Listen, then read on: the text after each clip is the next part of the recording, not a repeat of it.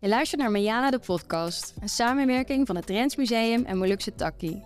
In deze podcastserie gaan wij, Uriel Matelemuo en Rio Lekatompessi, in gesprek met zes Molukse jongeren van de werkgroep, die samen met het Drents Museum de tentoonstelling Mayala hebben gemaakt.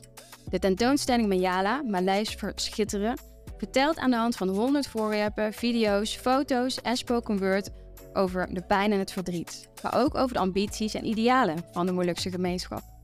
Het belicht het gevoelige verleden, maar juist ook de passie en veerkracht. De tentoonstelling is te zien tot en met 1 oktober 2023. Wil je het object ook bekijken? Check dan de video op het YouTube-kanaal van Molukse Takkie. We kijken nu naar de zwemdiploma's A en B van Lucas Terinate. Bijna alle Nederlandse kinderen krijgen op jonge leeftijd zwemles. Dat geldt beslist niet voor Molukse kinderen vroeger. Dit zorgt ook voor situaties waarin Molukse kinderen verdrinken. Lucas en John Terinate uit Assen kunnen aanvankelijk niet zwemmen. Als ze volwassen zijn, besluiten ze om alsnog op zwemles te gaan bij zwembad De Timp in Assen. Na zijn A-diploma haalt Lucas Terinate in 1983 ook zijn B-diploma. Hij is dan bijna 25 jaar. Zijn broer is twee jaar ouder. Demi, welkom. Goed dat je er bent. Ja, dankjewel. Um, kan je wat vertellen over het object uh, wat je hebt gekozen voor het gesprek? Jazeker. Uh, nou, zoals je zei, het object dat ik heb gekozen zijn de twee zwemdiploma's van mijn vader. En die zijn te zien in de tentoonstelling, die nu te zien is in het Drents Museum. En ja, ik vond dit een heel interessant object in het kader van integratie, een thema waar het onder valt. En ja, eigenlijk uh, vond ik het wel een heel mooi onderwerp om hiermee uh, gesprek aan te gaan met mijn vader en met jullie. je hebt ook iemand meegenomen? Jazeker. Ik heb mijn vader meegenomen. Ik ben uh, Lucas Sterinate, vader van Demi. En die diploma's zijn inderdaad voor mij.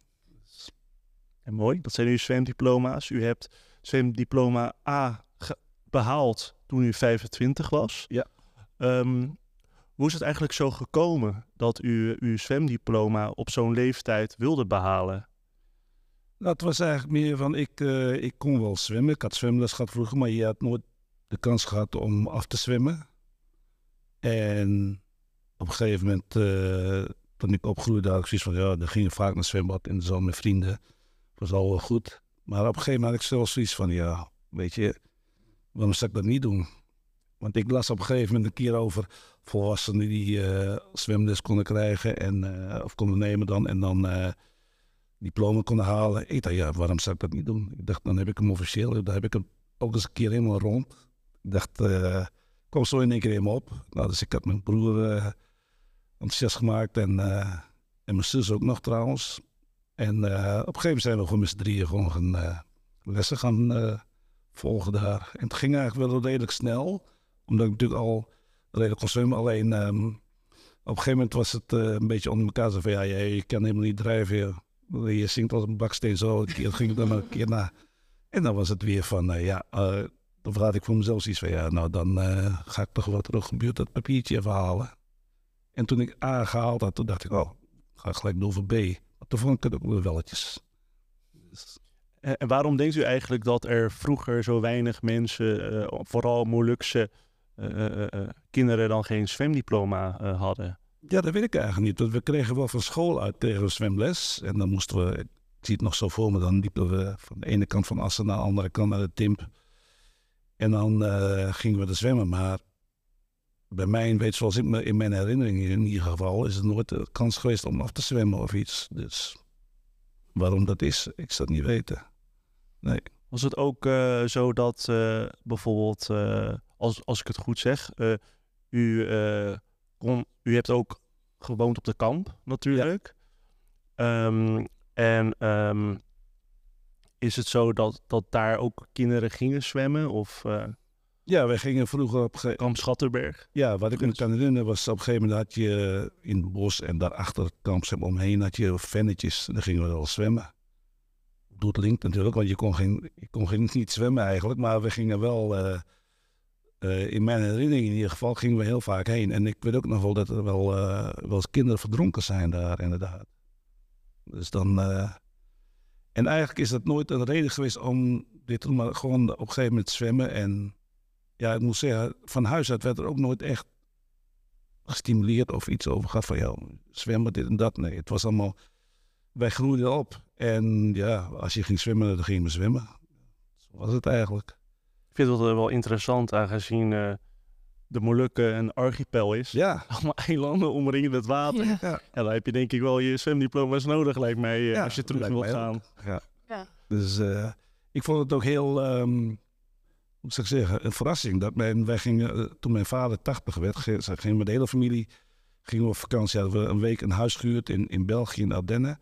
En daar was een zwembad bij. En toen ging hij ook zwemmen. Toen was van ons echt zo van, kan hij ook zwemmen? Weet je wel, zo ja, Had hij niet gezegd. keer. ja, want hij, ging nooit, hij had nooit tijd eigenlijk om met ons ergens heen te gaan of iets. Dus, eh, nou, en, en toen ging hij wel zwemmen. Dat is iets van, we hebben daar nog een mooie foto van, hè, met z'n drieën. Ja, ik vind het heel leuk, want dat is eigenlijk, nou ja, voor zover ik weet, voor mij is dat de enige foto die ik heb van mijn opa en mijn vader en ik met z'n drieën alleen. Is dat wij eh, met z'n drieën in het zwembad zitten op vakantie met zijn 80ste verjaardag in het water. Dus dat is wel een hele bijzondere herinnering. Ja. Heel leuk. Wisten jullie dat hij kon zwemmen? Nou, ik moet eerlijk zeggen, ik heb er echt nooit bij stilstaan of Nee. nog aan gedacht van, zou die wel kunnen zwemmen of niet eigenlijk. Nee. Het was een beetje vreemd, eh, ik heb al eens vaker verteld, ook aan, aan vrienden en zo. Het is een beetje vreemd opgroeien vroeger, hè? als moeilijker. Ik bedoel, je was met je dagelijkse dingen bezig en dat soort dingen is eigenlijk niet echt actueel bij- was dat bij ons. Ik krijg nu ook wel hoor, met mijn partner die vraagt, hebben jullie vroeger dit, hebben jullie... Nee, hallo, wij waren een moeilijks gezin. Dus die kun je niet vergelijken met een, met een Nederlands gezin. Het is gewoon heel simpel. En wat voor verschillen komen er dan naar boven? Nou, zoals, eh, gingen jullie met elkaar op vakantie? Ik, kom een gezin van twaalf. Hoe heb je dat voorgesteld? We hadden geen auto. Ik denk niet dat mijn vader zo eh, op een gegeven moment was van... eh, nou, jongens, kom. Met, met z'n allen de trein in. Nee, dat ging niet. En dat was ook... Ik moet zeggen, ik ben de zesde in rij. En eigenlijk alles en iedereen die na me kwam... daar gingen ze wel mee, dingen mee doen... die ze met ons nooit deden. Onder andere ook dagjes weg en dat soort dingen. Dat we zo- zoiets hadden van... Oké. Maar andere kant is je groeide er niet in op, dus je mist het ook niet. Je had weer andere dingen. Alleen het zwemmen, dat was wel op een gegeven moment voor mij zoiets van, ja, nou ga ik het halen. Ik bedoel, eh, ik ging vaak zwemmen, natuurlijk met vrienden ook. En dan eh had ik zoiets van, nou, nee, ik wil toch voor mezelf gewoon het gevoel hebben van, ik heb hem gehaald. En wat ging er door u heen op het moment dat u zwemdiploma A had eh, in uw handen? Ja, nou zoiets van, yes, ik heb hem. Ja. Zo van, nou, ik, dat heb ik gegeven moment mooi gedaan dan. Ja. En, en, eh, en eh, dit vraagt ook wel een soort van bepaalde eh, ja, drijfveer, veerkracht om, om dat te behalen. Om te zeggen van, hé, hey, ik weet gewoon dat ik het kan en dat ik Ja. ervoor moet werken. En dat Ja. ik me er niet voor schaam dat ik op deze leeftijd dan eh, zo'n zwemdiploma Ja, haal. precies. Ik had ook nooit echt gedacht van, jongen, jongen, dan ga ik daar op deze leeftijd. Nee hoor, waarom? Ik, ik had gewoon voor mezelf zoiets van, ik wil hem halen. En toen ik hem eenmaal had, A, dan dacht ik van, nou, dan ga ik ook voor B. Dan ben ik klaar. En dan geen C, geen C. Nee. Dus toen had ik zoiets van, nee, ik heb hem nu gehaald. Voor mezelf is gewoon een soort van bevestiging van, nou, je hebt het toch even gedaan en klaar. En voor jou, heb, jij je zwemdiploma's? eh? Ja, ik heb eh, A en B. Die heb ik gehaald toen ik eh, nou, op de basisschool zat. Ik weet niet precies hoe oud, oud ik was. Maar eh, ja, ik heb A en B. En toen vond ik het eigenlijk ook wel best. En hoe kwam je eigenlijk erachter dat, eh, dat jouw pa deze zwemdiploma's eh, had ergens in het huis? Nou, eigenlijk pas toen ik ehm, bezig ging met op zoek gaan naar eh, verhalen en objecten voor de tentoonstelling. Ben ik natuurlijk thuis gewoon ook gaan, eh, eh, gaan kijken en op zoek gegaan van, goh, wat hebben we nog liggen en dat soort dingen. En toen kwam ik eigenlijk, eh, ja, deze zwemdiploma's gewoon tegen ergens onder in een laadje in een kastje. En zodoende, ja, ben ik er eigenlijk over begonnen. Dus het was verstopt. Of, of, nou, het of- lag gewoon eigenlijk gewoon een beetje tussen oude documenten en zo. Zo van, oh, Want er was thuis nog nooit eerder over gesproken, over dit verhaal. Nou, het was eigenlijk niet echt aan bod gekomen. Nee. Het is niet dat we echt... Ik had Nee. echt met Demi erover gehad of zo. Nee. Nee. Nee. En toen ze mij benaderden erover, dacht ik iets van ja. Of nee, toen vroeg je eerst van, ehm, heb je ook objecten die je in de tentoonstelling wil laten zien? Daar zat ik over na te denken. Toen dacht ik later pas ook aan, het- aan die zwemdiploma's. Maar ik dacht in eerste instantie is van, ik heb in militair dienst gezeten. Ik heb allemaal nog spullen, eh Nederland, een militair paspoort ik liggen en nog foto's. Ik dacht, god, dat zou ook wel leuk zijn om dat laat. Maar Ja. toen begon zij over die eh, zwemdiploma's. En toen dacht ik van, hé hey, ja, is ook zo ja. Want dat was toen op dat moment eigenlijk zoiets van, ik wil het op een manier, net wat je zegt, een beetje een drijfveer van, nou, ik wil hem halen en ik wil het gewoon voor mezelf, gewoon eh, naar mezelf toe. Van, ik kan het wel en ik, eh, ik heb het gehaald en dat soort dingen allemaal. Ja, toen dacht ik van, ja, nou, doen we dat. En heeft u dat in de rest van uw leven ook meegenomen? Die daadkracht? Ja, voor het, eh, in, in het werk ook. En, eh, en dat is ook iets wat we van huis uit hebben meegekregen. Mijn vader zegt altijd, hey, alles goed en wel, maar zorg dat je je studie afmaakt, dat je gewoon goed terechtkomt in de maatschappij. Dat je dan in ieder geval, en, en dat heb ik ook altijd voor ogen gehouden. En ook in het werk, want ik, heb, eh, ik ben opgegroeid in de jaren zeventig hier. Nou, dat viel natuurlijk ook niet mee met alle toestanden toen. Met, die- met die gijzelingen, die kapingen en zo. En... eh, Alleen het rare was, je had een bepaalde groep Nederlandse vrienden. En dat bleef wel gewoon goed. Alleen mensen die jou niet kenden op straat bijvoorbeeld, dan merkte je gewoon van, nou, dat was op dat moment. En dan is het gewoon ehm, voor jezelf. En ik had voor mezelf zoiets van, ja, het is wel goed met jullie. Ik bedoel, ik ben wie ik ben en daar doe je het maar mee. Is er bepaalde spanning of zo? Of eh Ja, maar bekend maakt onbemind Ja. tijd? Ja. Alleen ik had voor mezelf, ik heb me nooit echt eh, wat van aangetrokken eigenlijk. Ook in mijn werk later niet, want ik bedoel, ik ging later de diëtisering in. En wat ik vrij ook zei, op een gegeven moment dan eh, kom je wildvreemd een bedrijf binnen. Nou, ik had altijd zoiets van, eh, je hebt mij nodig, maar dan zie je mij niet in. Dus wat je van me vindt, dat zal me niks, dat zal me worsten wezen. Ik ben hier voor mijn werk. En eh, je beoordeelt me maar op mijn werk. Ik heb wel eens gehad, dan kom je bij een bedrijf binnen en zeggen ze van, nou, hij krijgt niet de koffie als dat klaar is. Nou, dan zeg ik ik wil die rot koffie voor jou niet, die haal ik ergens anders wel. Dan ging ik aan het werk. nou, en dan, eh, nou, weet je, nee, maar ik bedoel, dan, dan ik had zoiets van, nou, ik ben gewoon wie ik ben. En je accepteert me maar zoals ik ben, of niet. Ja. Maar ik had voor mezelf altijd nooit probleem mee gehad als het bijvoorbeeld niet, op dat moment niet lekker soepel ging met mensen of zo. Dat ik van, nou, nou jammer dan. Ja, Het is wel sterk in een milieu waar dan vooral in de jaren 70 best veel gediscrimineerd werd. Ja, want ik bedoel, ik heb wel, toen ik in militair dienst zat ook, op een gegeven moment zat ik in de trein en iemand ging bij je zitten. Nou, ik was dan zo van, nou, lekker, eh, leg een krantje op de andere bank en dan ging ik met mijn voeten erop. Extra ruimte. Ja. dus ik had zoiets van, eh, maak van de nood een deugd, laat me zo zeggen. Op Ja. dat moment had ik zoiets van, nou, dat moet niet joh. Heel de coupé leeg. Ja. ja, dat heb ik één keer meegemaakt. Dat was op een gegeven moment, toen mochten we als militairen, eh, mocht je eerste klas gaan reizen.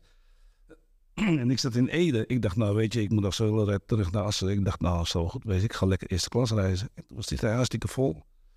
En toen kwam de conducteur eraan. En toen werden iedereen, eh, of heel veel mensen werden eruit gestuurd van het eerste. Want die hadden geen kaartje ervoor. En toen was er een man die zei, en die moet lukken dan. Zei die conducteur, die lukken, heeft een kaartje. Ik zei, ja, ik heb een kaartje. Dus ik leg, dus ik, zei tegen die conducteur, wat iedereen... Vind je het goed als ik mijn benen daar... Ja, goed, doe je, je doet je best maar. Ja, ik heb alle ruimte. Dus, eh, en toen keken ze me aan. Ik dacht, ja... ja ik, bedoel, ik heb altijd voor mezelf zoiets van, nou... Je krijgt mij niet op de kast met dingen of zo. Van, op het werk ook niet. Had ik ook wel op het werk hoor. Dan, eh, dan gaan ze een beetje uitproberen. En alles. Ik had ook een collega van, ben je geboren in een kamp? Ja. Jezus. Heb ik een collega, dat is een kamper en een moeilijker. Het is toch wat? ik zei, jongen, ik zei, daar maak ik niet vaak mee, geniet ervan. Ik denk dat het ook belangrijk is om, om een beetje met humor eh, Ja. te benaderen. Ja. Eh, ik, ik denk dat ook soms als je het niet benadert met humor, dat je toch wel bepaalde spanning krijgt of afkeer. Eh, ik kan me een verhaal herinneren van mijn tante, die ook in de trein zat. eh, en die werkte als verpleegkundige eh, voor een ziekenhuis. En ehm, ze zat in de trein. En ze had naast haar als een paraplu eh, in een tasje. En mensen dachten echt dat dat gewoon een geweer was of zo. Ja. dus, dus ze probeerden haar ook te vermijden Ja. de hele tijd. En op een gegeven mo- moment raakte ze zo geïriteerd dat ze ging opstaan en gewoon die paraplu uit dat tasje haalde. En ze zei, ja, dit is gewoon een paraplu. Wat zijn jullie aan het doen? Dit slaat nergens op. Dus het idee dat iedereen op zijn of haar eigen manier probeert te verwerken van hoe die tijd was en hoe ze werden bejegend. eh, vooral op zulke plekken. Ja. En wel, ja, wel sterk om dat met humor eh, te doen. Maar ik weet niet of dat voor iedereen geldt. Dat lijkt me wel lastig. precies. Ik bedoel, eh, dat werkte voor mij wel, nog steeds. Ik heb ook collega's eh, die zeggen was, ja, ik vind er niks aan bij jou, want eh, je bent me altijd een slag voor. Daar willen ze dan opmerkingen maken over donkere mensen, wat dan ook. Maar dan was ik zo, dat zet hij dan, slag voor. Je, ja, ik vind er niks aan, zie je, want ik, eh, ik kan weer geen, geen geintje maken hier, want jij bent mooi voor. Ja. Nou ja, jij moet dan voor je. Ja. Ja. Ik vind het mooi om te zien dat het niks met uw eigen waarde heeft gedaan. Want dat zijn toch vaak verhalen die je daarover hoort. Als iemand iets racistisch heeft meegemaakt, ja, dat het kwetsend is en dat ze dat Ja. toch op zichzelf reflecteren. Hoe komt het dat u... eh, Ja, weet je, het- ik denk dat het ook van huis uit. maar mijn vader heeft altijd tegen ons gezegd: alles goed en wel. Het maakt me niet uit met wie je thuis komt. Groen, geel, blauw, maakt me niet uit. Als het maar goed is. Dus die drempel, die hebben wij nooit gehad thuis. Van eh, je bent alleen maar met of moeilijkers of. Nee, bij ons maakt het helemaal niet uit. Bij ons was het ook een tomen en gaan van mensen, van vrienden ook. Allemaal Nederlandse vrienden, alles. En ik heb nu nog Nederlandse vrienden die, als ze over mijn vader en moeder hebben, ze het altijd over pa en ma. Ik bedoel, dan zei ik altijd even, hoezo, dat is mijn vader, dat is niet jouw vader. Die mag je niet lenen. maar, maar weet je, om het aan te geven, van, het was bij ons thuis altijd heel, eh, we zijn daarin heel eh, vrij opge- opgegroeid en opgevoed. En dat scheelt ook wel, denk ik. Want ik heb nooit echt die... Kijk, mijn vader was wel fanatiek RMS en alles. Hij heeft ons op de hoogte gebracht van alles hoe of wat. En, te laat, en achteraan zei hij van, je doet maar mee wat je wil. Dus ik bedoel, ik heb het zelf nooit als een druk ervaren van dat het achter me of boven me hing. eh, moet nee, worden? nee. Nee, en ik Dus, had eh, zelf ook altijd, ehm, toen later natuurlijk met opa en oma, gewoon iedereen was echt altijd gewoon welkom. Ja. Inderdaad, gewoon ook al namen mensen vrienden mee die ze niet kenden of weet ik, gewoon iedereen kon altijd mee eten. Iedereen was altijd welkom gewoon eh, bij opa en oma. Ja. Dus ja. Want ook in onze familie hebben we ook gewoon zoveel verschillende nationaliteiten qua aanhang. Dus ja, Ja. is eigenlijk alleen maar mooi. Ja, we hebben Irakees, we hebben eh, Marokkaan, we hebben een Libanees, een Fransman, een half Australisch, een halve Ier, eh, Ja, Nederlanders, alles. moeilijkers van alles. Dus wat dat betreft is het inderdaad heel bicultureel eh, in de familie. Maar dat is het mooie van zoals wij opgegroeid zijn. En eh, ik weet nog ik eh, op een gegeven moment... ik had laatst toevallig nog met een vriend van mij over een Nederlandse jongen die... op een gegeven moment had ik van, ja, zit ik weet je nog vroeger bij jullie, eerste keer. Ik kwam binnen en je moeder drukte mij een bord in de handen. Hij keek zo van, hoe moet ik hiermee? Ja, aansluiten, kom, eten. Accepteer dit maar. Accepteer maar de situatie, hè? Hij, hij zei, ja, terwijl bij mij thuis moest ik iets bellen of, wil- of eerst vragen van, nou, kan dat? En eh, Afspraak maken. ja. Hij zei, en bij jou thuis ging het gewoon makkelijk zo van, op. eh, ik zei, ja, wij wisten niet beter. En zo een beetje ook die warmte hè, eh, Ja. van eh Molukse gezinnen. En Ja. die eh, openheid. Ja. Eh, ik denk dat eh, als je misschien inderdaad zelf een biculturele achtergrond hebt. Hè, eh, eh, met een, eh, een Molukse eh, vader eh, en een, eh, misschien een Nederlandse moeder. Dan zie je misschien snel die verschillen, eh, die contrasten ook. Demi, hoe, ervaar jij dat? Merk je verschillen tussen jouw eh Moluks zijn en jouw Nederlands zijn? Of Eh, niet? Nou ja, ehm, ja, het zijn natuurlijk wel twee verschillende kanten. Maar ik denk zeker wel dat het echt een verrijking is om met twee, in principe met twee culturen, twee verschillende kanten eigenlijk op te groeien. En eh, ik heb vroeger heel vaak de vraag gehad van mensen, dat vond ik altijd heel vervelend, van voel je nou meer Nederlands of meer Moluks? En dan gaf ik er ook nog antwoord op, omdat ik dan me daar niet echt een houding in kon geven, zeg maar. En nu heb ik echt zoiets van, ja, maar daar hoef je helemaal niet tussen te kiezen, zeg maar. Dat kan gewoon naast elkaar bestaan. Dat is gewoon beide. Ehm, ja, maar natuurlijk wel, je ziet er wel verschillen in. Ehm, ja, toch wel een beetje qua eh, gastvrijheid. In de Molukse cultuur, dat is toch wel meer aanwezig, vind ik. Ehm, maar ik moet zeggen, qua bijvoorbeeld mijn kant van de familie, van Molukse familie, Nederlandse familie, dat is beide wel gewoon heel warm en gastvrij en heel gezellig en zo. Dus dat is, eh, daar zit op dat, op eh, dat opzicht niet heel veel verschil in voor mij.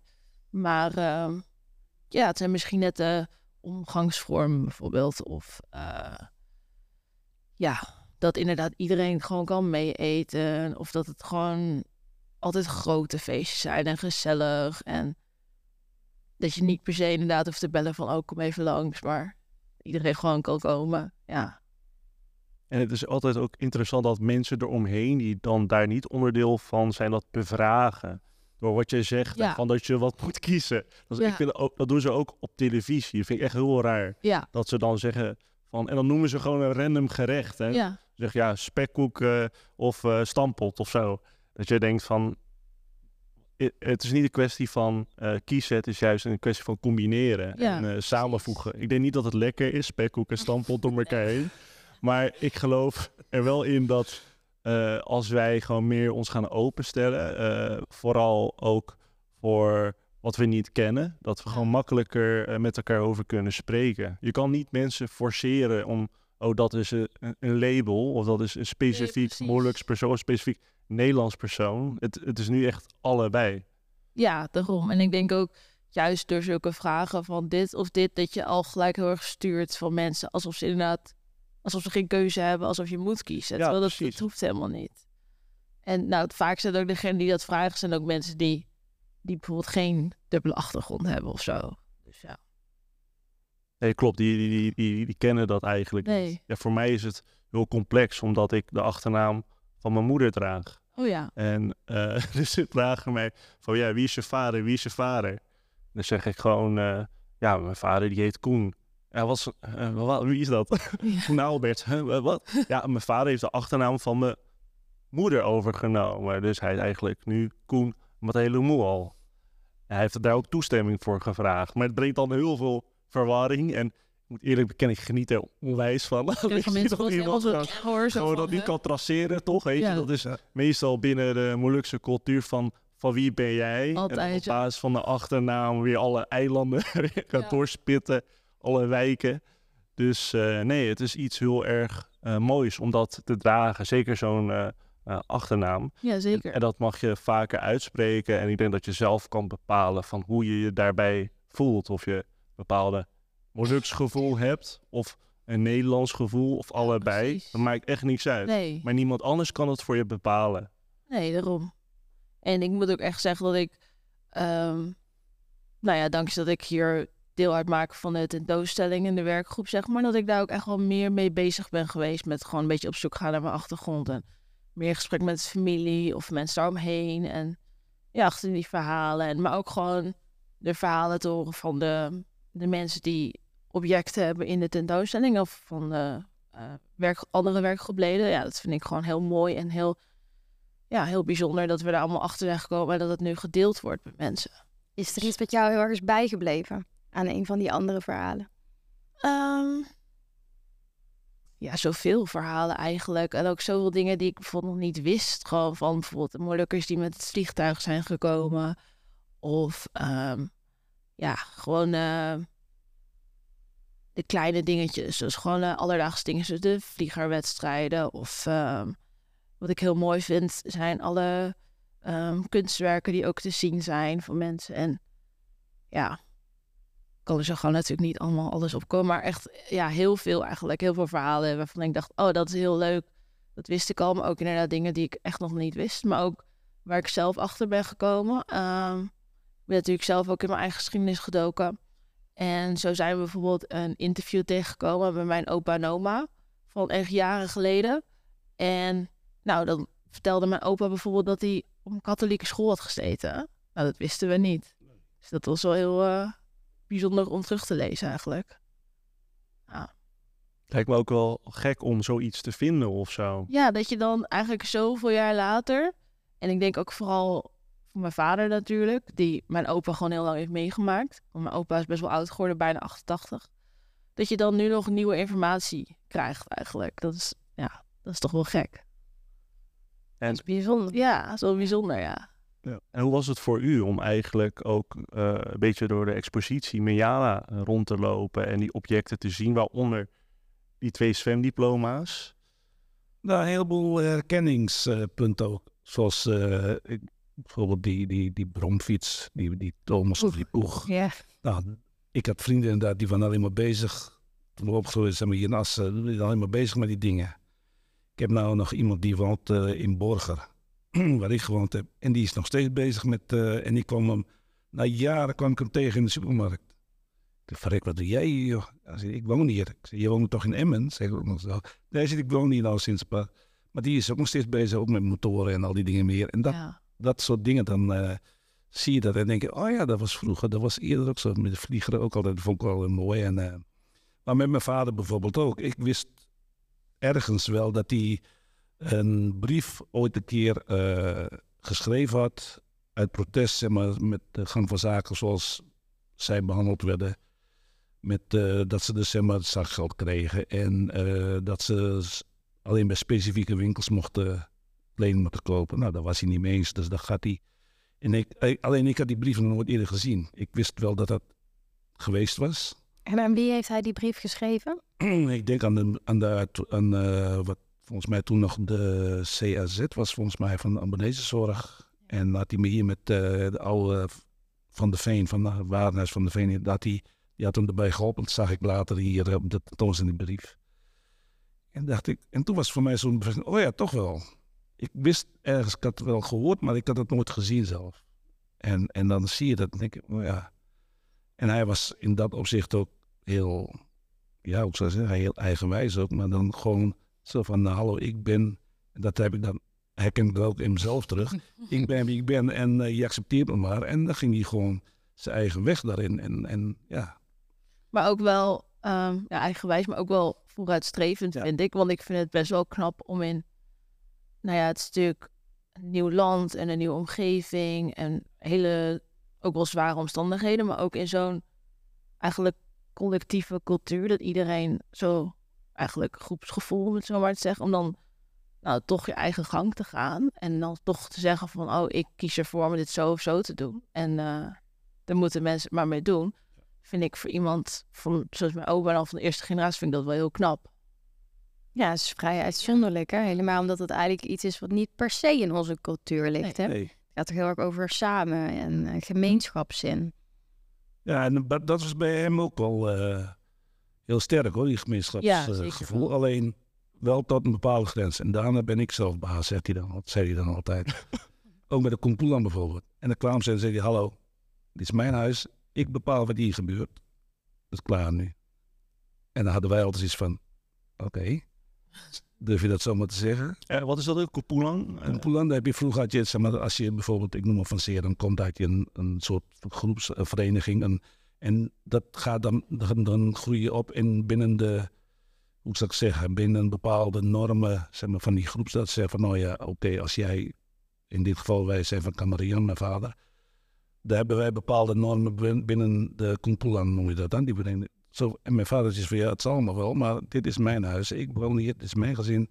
Ik ben hier de baas. Jij hoeft mij niet te vertellen van wat ik in mijn gezin moet doen of wat dan ook. En dat was dan met de Kumpulan wel heel sterk. Met is vroeger van, eh, die hebben wel een behoorlijke stempel gehad op het leven als het ware. En mijn vader, die was er heel eigenwijs in. Die had zoiets van, nou, of eigenwijs, die had zoiets van, nou nee, hallo.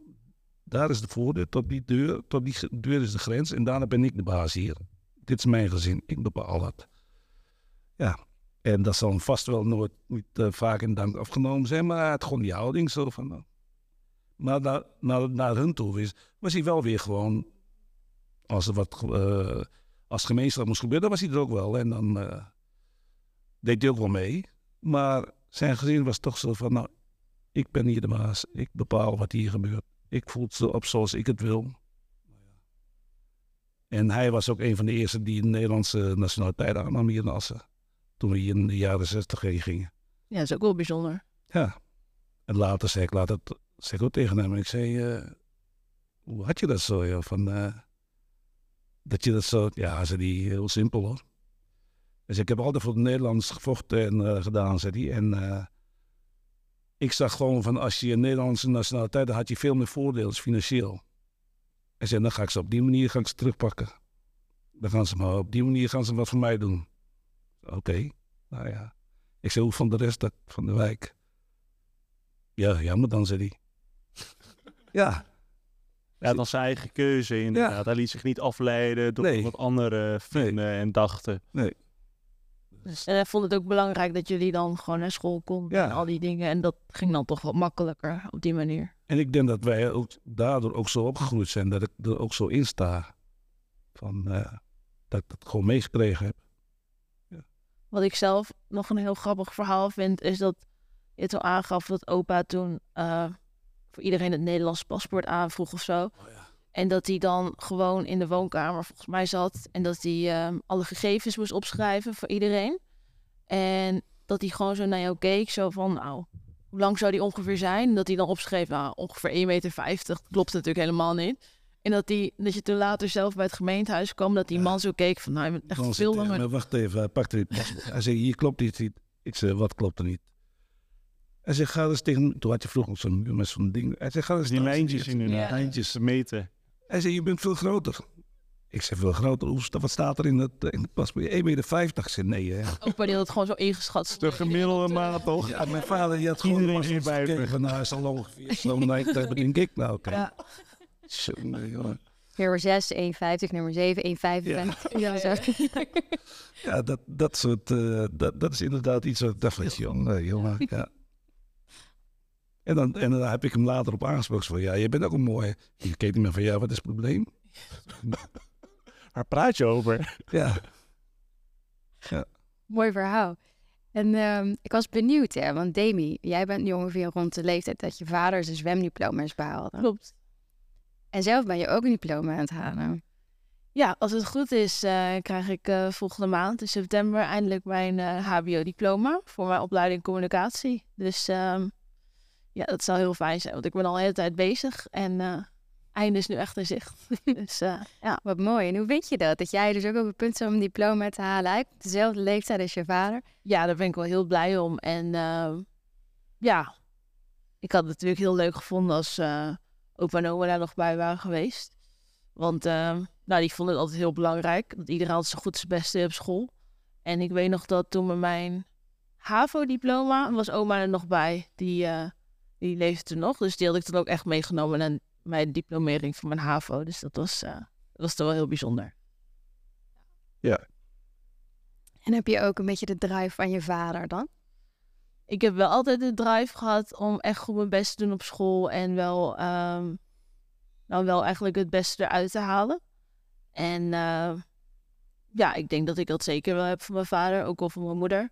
Van beide wel. Maar eh, ja, het had gewoon wel meegekregen van eh, jullie allebei en van de familie van gewoon goed je best doen op school. En zorg dat je die, al je diploma's haalt en eh, dat je later een goede baan hebt.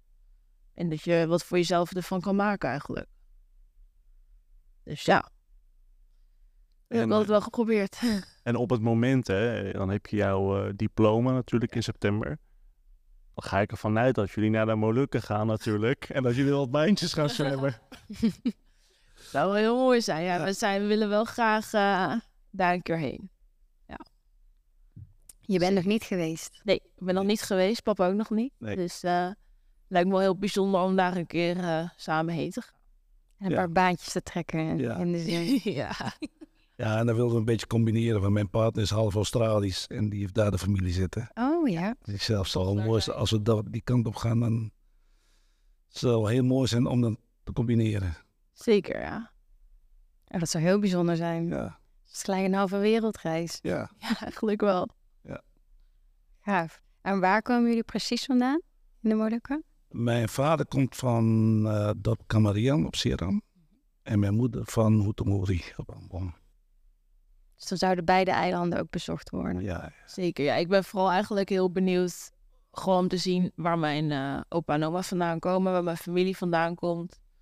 Om de familie te ontmoeten die daar nu nog woont. Ehm, want ik heb natuurlijk wel verhalen gehoord van ooms en tantes die er al vaker zijn geweest. Of ik heb ze wel op Facebook, maar ja, daar ben ik gewoon heel erg benieuwd naar eigenlijk. Vooral om te zien waar mijn opa en oma vandaan komen. En om gewoon de familie daar te ontmoeten.